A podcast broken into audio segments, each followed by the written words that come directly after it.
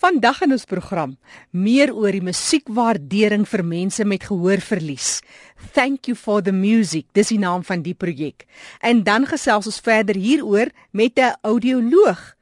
Daai sielkundige aanpassing vir iemand wat weer wil hoor en hoe word mense gekies vir kokleaire implantings? Dat jy besef dat nie almal kwalifiseer om 'n kandidaat te wees nie. Ons sluit eers aan by Fanie de Tooi wat vertel van die Thank you for the music projek. Baie dankie Jackie.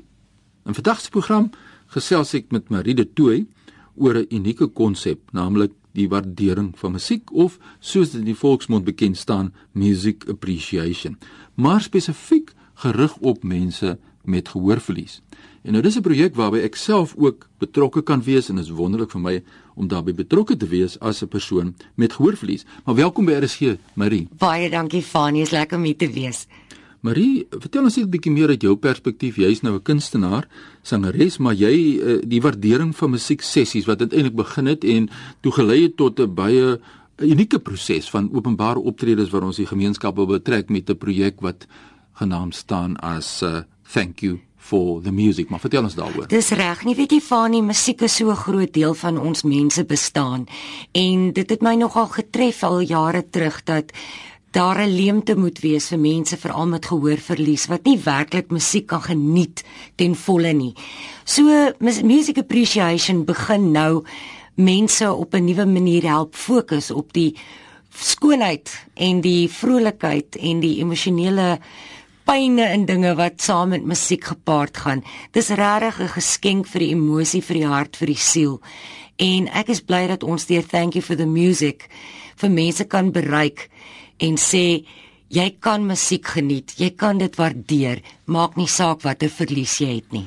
Ja, dit bring my by die kwessie van verlies. Mense, sekere mense het lae frekwensie verlies, ander het hoë frekwensie verlies en dit het natuurlik 'n groot impak op die gevoel wanneer mense nou luister na klank nie. Ek dink die woord is nou die timbre wat mense gebruik, nê. Dis reg. Daardie uh kwessie van hoe dit jou raak, daardie beleef van 'n uh, fluit of die beleef van 'n saksofoon. Vertel ons daaroor. Dis dis waar en en elke instrument of klank het sy eie timbre, sy eie identiteit, die eie uh klank en gevoel wat hy by jou um gaan sit. Party instrumente se timbre is vir 'n mens glad nie lekker om na te luister nie en ander is weer streelend en gemaklik om na te luister. So as 'n mens dit in perspektief kan stel wat ons dan nou doen in hierdie projek is stel mense bloot aan hierdie verskillende forme van klanke en te kyk hoe leer die persoon dan nou weer miskien van vooraf luister na musiek. Maar ons gaan net 'n bietjie daaroor gesels oor die gehoorverlies self. Maar Ons is interessant, ons praat baie oor die emosionele impak van musiek op die ja. mens, die stimuleer van die dopamien. Wat is 'n is 'n ongelooflike emosionele ervaring vir baie mense, né?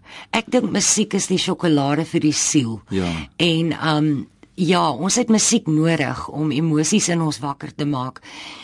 Ons kan herinneringe weer beleef deur musiek. Ons kan emosies van opgewektheid of selfs hartseer ervaar en musiek maak daai emosies los in ons. Um dis wat so 'n wonderlike ding is van musiek. Ja. Jy weet, uh, dit is so belangrik. Ek kan dink aan my 25 jaar van stilte. En nou dat ek weer kan luister na musiek en ook met behulp van hierdie program weer my musiek vermoë, luister vermoë verbeter het, dan beleef ek emosies wat ek soms gedink het ek nie meer het nie net bloot deur na musiek weer te kan luister na soveel jare. Die baie belangrike saak wat in hierdie program, hierdie musiekwaarderingsprogram dan nou na vore kom is mense moet in stappe te werk gaan wanneer mense met mense met gestremthede werk uh, dan hierdie saak dan aanpak en dit is dat mense sê begin eers by enkelvoudige instrumente. Vertel ons bietjie wat is ja, die benadering daar? Dis heeltemal waar. Dit kan baie oorweldigend wees om 'n uh, magtom en mengelmoes klanke skielik te moet ontleed in 'n mens se kop.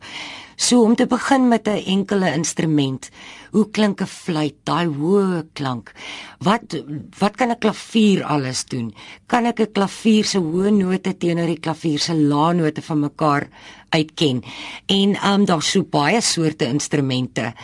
En weer eens soos met die timbre, sekere instrumentklanke is maklik om te hoor of maklik om na te luister. Ander wil hy ou weer net laat weghardloop. Ja, en dit te gebruik in 'n eenvoudige melodie is dit so? Absoluut. Jy weet ek dink baie keer uh ag eenvoudige wysie Hansie slim berg wil klim. Ons weer gaan hy op en dan gaan hy af. En daar's 'n vrolikheid in die klank en daar's 'n vrolikheid in die op en af van die note. En so leer ons verstaan ook nie net hoe musiek klink nie, maar hoe dit ons laat voel en hoekom. Ja, dit is nou 'n gesprek met Marie de Tooy hier in ons program Leefwêreld van die gestremde en mense kan die passie voel en Marie se belangstelling natuurlik in talente musiek en ons mense met gestremdhede te lei op die pad na onafhanklikheid in terme van ook ons musiek. Die belangrike punt is dan nou die die die, die enkel instrument met 'n enkel melodie, 'n eenvoudige melodie, maar nou moet ons ja. die stem by die melodie bring in hierdie program omdat die mens nou weer die blootstelling moet kry oor om na beide saam te kan luister, né? Dit is ook 'n uitdaging. Absoluut. En ek dink ook jy weet daar's so baie lirieke. Lirieke beteken so baie in baie musiek. So om daai uh daai stem nie te kan lekker hoor nie of die lirieke val weg, dan val die musiek vir 'n mens half plat. En dan ook om te besef dat sekere stemtone lekker is om na te luister en makliker is om die woorde van raak te hoor. 'n Sopraan teenoor 'n bas.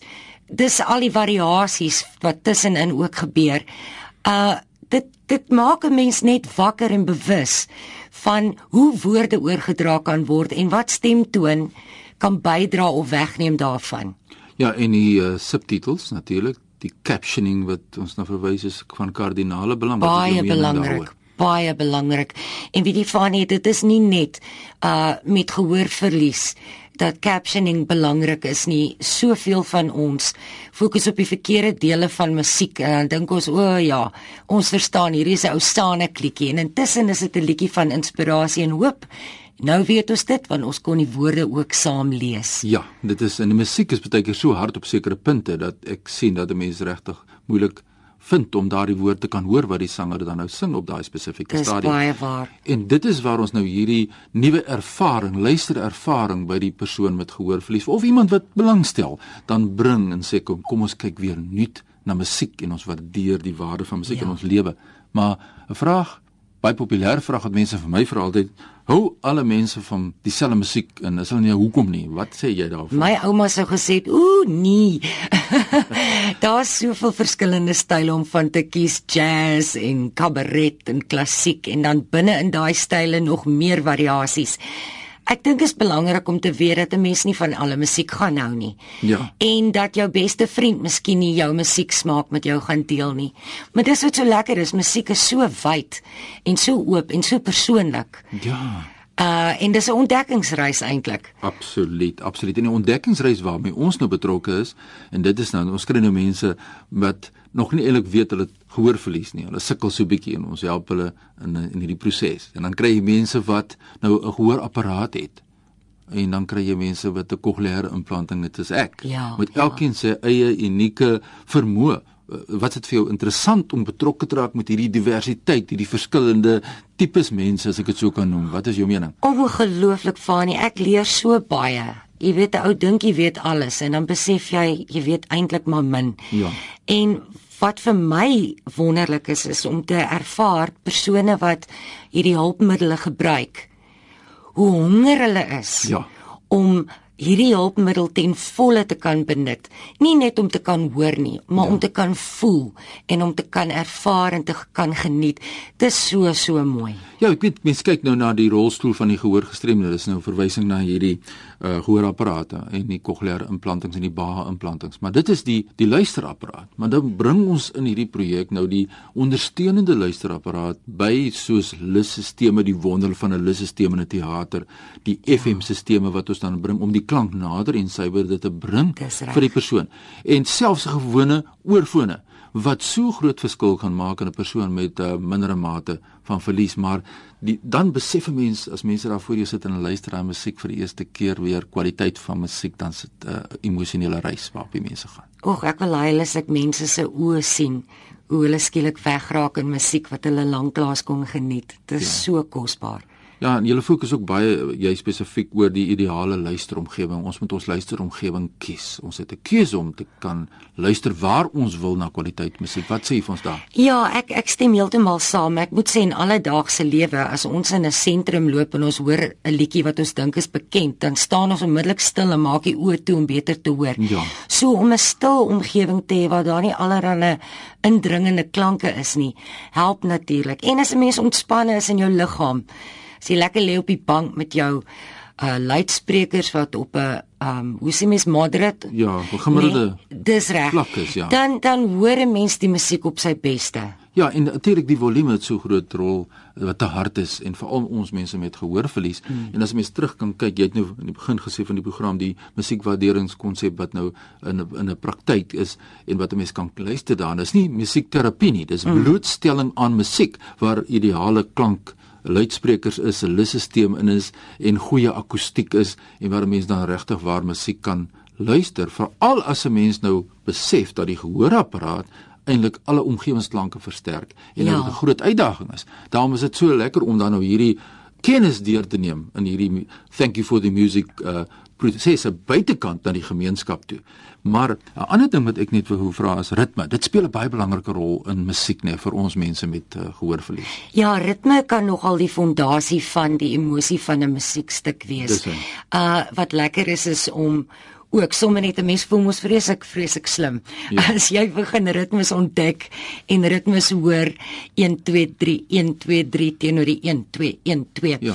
En natuurlik sekere ritmes wat stadig is, laat 'n ou gemaklik en kalm voel, waar 'n ander lekker vinnige ritmes is, tam terdam terdam, ja. wil 'n ou sommer net lekker saam dans. Fantasties want ons moet aanhou om ons gehoor in ons brein te stimuleer met musiek. Ons nou gehoorapparaat het of 'n cochleaire implanting, dit is 'n langdurige aanhoudende proses. En afsluit van hierdie program, hierdie interessante gesprek is dat die lekkerte is vir my is dat ons ook in hierdie program as ons nou uitgaan met hierdie uh vertonings en hierdie optredes en hierdie uh, wat ons nou doen ons betrek ja. ander forme van gestremdheid ook en uh, kunstenaars met gestremthede wat na vore toe moet kom en optree nê dis is wonderlik o dis wonderlik om te sien dat geen uh verlies hoef in die pad te staan van kreatiwiteit nie nou ja Ons kan ure hieroor gesels. Ons tyd het uitgeloop en ek wil net vir jou vra, wat beteken dit vir jou om by hierdie projek betrokke te wees as 'n sangeres? Wat sê jy vir ons? Fanie, ek dink musiek is sekerlik een van die grootste persente vir die mensdom en dit is my droom dat almal ja dit kan geniet. Nou ja, daar hoor ons wat sê Marie de Tooi, dit is lekker om saam met jou te kan werk in hierdie projek om musiek te kan bring na mense met gestremdhede. Mense met verlies en as jy erns in Suid-Afrika is en jy stel belang in musiek en jy stel belang om jou luister vermoë te verbeter want dit is baie baie duidelik bewys deur navorsing dat as 'n mens na musiek luister, as 'n mens na sy solo stem luister, dan verbeter dit jou vermoë om na in 'n ander omstandighede in 'n besige straat ook na 'n gesprek te kan luister. So asseblief, ja. kom na vore, stuur sommer nou 'n e-pos aan my by Fani by Road to Independence www.co.za of besoek ons webtuiste, like gerus die Facebook. Dit is facebook.com vorentoe skynstreep your road to independence. Marie, dit was lekker om jou te gesels. Dankie Fani. Terug na jou Jackie daar in die Goudstad. Kollega Fani de Tooi wat daar uit Kaapstad saamgesels het. Nou ek gesels nou juis met 'n audioloog, Colleen Marits. Sy is 'n audioloog by die Steve Biko Hospitaal. Dis van die kokleaire implantingsspan. Kokleaire implanting dis eintlik 'n tegnologiese deurbraak. Wat 'n wonderwerk. Ja, nee, verseker, is een van die eerste bioniese devices as ek dit nou so kan noem. Ehm um, wat al bestaan ietsie wat totaal geïmplanteer is in iemand se lyf en wat totaal deel word van daai persoon en van hoe daai persoon dan in hierdie geval klanke kan opneem en ervaar. Maar daar's 'n baie sterk samewerking met die brein en hoe dit uiteindelik weer ja. werk. Want al die haartjies is plat, is dit daar in die middeloor wat hy ingeplant word want of hoe werk dit? Ek ek dink ek gaan so klein bietjie teruggaan en net vinnig oorgaan oor hoe normale gehoor werk en dan daarby kom oor hoe kokleaire implanting werk. Nou normale gehoor, jou klank kom by jou oorkanaal in, dan vibreer jou timpaniese membraan, dit is jou oordrommetjie, dan begin jou hele middeloorstelsel beweeg. Dan sit dit nou vloeistof in jou cochlea. Dis daai slakke huisie in jou binneoor. Sit dit die vloeistof daarso um, aan die gang en dan word die haartjies wat nou in die cochlea is gestimuleer. Dit veroorsaak dan nou 'n reaksie of 'n aksiepotensiaal wat dan 'n sein na jou brein toe stuur deur jou gehoorsenuwee. Ek weet dit is nou 'n bietjie tegnies, maar jy sal nou verstaan hoekom ek dit alles moet verduidelik. Jou cochleaire implanting word dan in jou cochlea geïmplanteer. Dit is dan nou in die slakkehuisie gedeelte. Dit is 'n dun rykie elektrodes wat daar geïmplanteer word. Op die ou einde word die binneste gedeelte aan 'n buitenste gedeelte gesit. Die uit die buitenste gedeelte lyk soos 'n soort van 'n groot gehoorapparaat. Dit vat dit dan nou weer die klanke op en doen 'n klomp klomp sommetjies en conversions en goedjies om dan nou 'n klank um, na die binneste elektrodes toe te kan stuur. Dan die elektrodes doen nou die werk van die haarselletjies in die cochlea. Dit simuleer die, die senuwee op die einde direk Ehm um, dit is dan 'n elektriese stimulus en dan word die sein dan nou na die brein toe gestuur soos normaal. So party mense het net aan die een kant of net aan die ander kant komplementeer dit ja. mekaar. Kan jy sonder die een met die ander hoe werk dit? Kyk, twee ore is altyd beter as een. Enige audioloog sal dit vir jou sê. As mense na die kostes kyk, ehm um, is dit nogal 'n groot faktor wat ons moet oorweeg rondom watter oor ons implanteer en dan ook of ons dan een of twee kan implanteer by Civica self het ons nog nooit 'n bilaterale of twee implantings gelyk gedoen nie. En die grootste rede daarvoor was kostes. Janie Erasmus het byvoorbeeld twee implantings en dit maak die wêreld se verskil aan jou lewe. Dit maak my hele wêreld vir my oop want ek kon ek kon in 'n normale skool en um, matrikuleer het ek kon ek kon ek kan musiek hoor ek kan ek kan aangaan met my lewe wat soos 'n normale persoon so dit is vir my hele wêreld oopgemaak en mense verstaan wat ek sê. Van poorkog na implanting kon kon mense my nie verstaan nie. Jy's doofgebore. Um ek het ek het doofgebore, maar ons weet nie hoe hoe ek doof geword het. Ons kan nie sê wat het gebeur nie, maar op 8 maande het my ma agtergekom. Ek is doof. So dit is my hele wêreld oopgemaak. En hoe lank terug het jy jou kokleaire implanting gehad? Um die eerste een op 9 jaar oud en die tweede een op 18 en ek is nou 27 jaar oud. So daar is nogals die belangrikheid van eers gewoond raak miskien aan die een. Jy sal nie sommer ja. albei saam doen nie. In baie gevalle sal mens albei saam doen, en um, veral in eerste wêreldlande waar dit baie dringend is, ehm um, en waar die ehm um, staat ook besef hoe belangrik ehm um, dit is oor die langtermyn. Doen hulle baie keer bilaterale implantings gelyk. Ehm um, maar in gevalle waar ander goedjies ter sprake is, kan dit ook baie keer gebeur dat mens een doen, kyk hoe die die pasiënt dan reageer daarop en dan later van tyd die ander een doen. So definitief, daar kan 'n tydperk verbygaan. Daar's 'n baie streng metodes wat mm. aangewend word hoe jy te werk gaan. Vertel ons bietjie daaroor. Want ja. iemand moet reg wees, né? Sielkundig ja. ook. Mm. Ja, dit is 'n baie lang proses wat mens volg. Mens stap 'n baie lang pad saam met 'n pasiënt. Dit is nie net 'n kwessie van jy doen 'n gehoortoets, jy sien iemand kan nie mooi hoor nie en jy besluit op 'n kokleaire implanting. Daar's oor die algemeen in volwassenes eers ehm, 'n um, kort tydperk waar hulle met gehoorapparate moet loop. Nou die apparaatjies word dan nou ook getoets en gepas vir die beste moontlike fit soos wat hulle dit stel om dan te kyk of gehoorapparate genoegsaam sal help. As ons dan nou vind dat dit nou nie die geval is nie, word die pasiënt verwys na die span toe.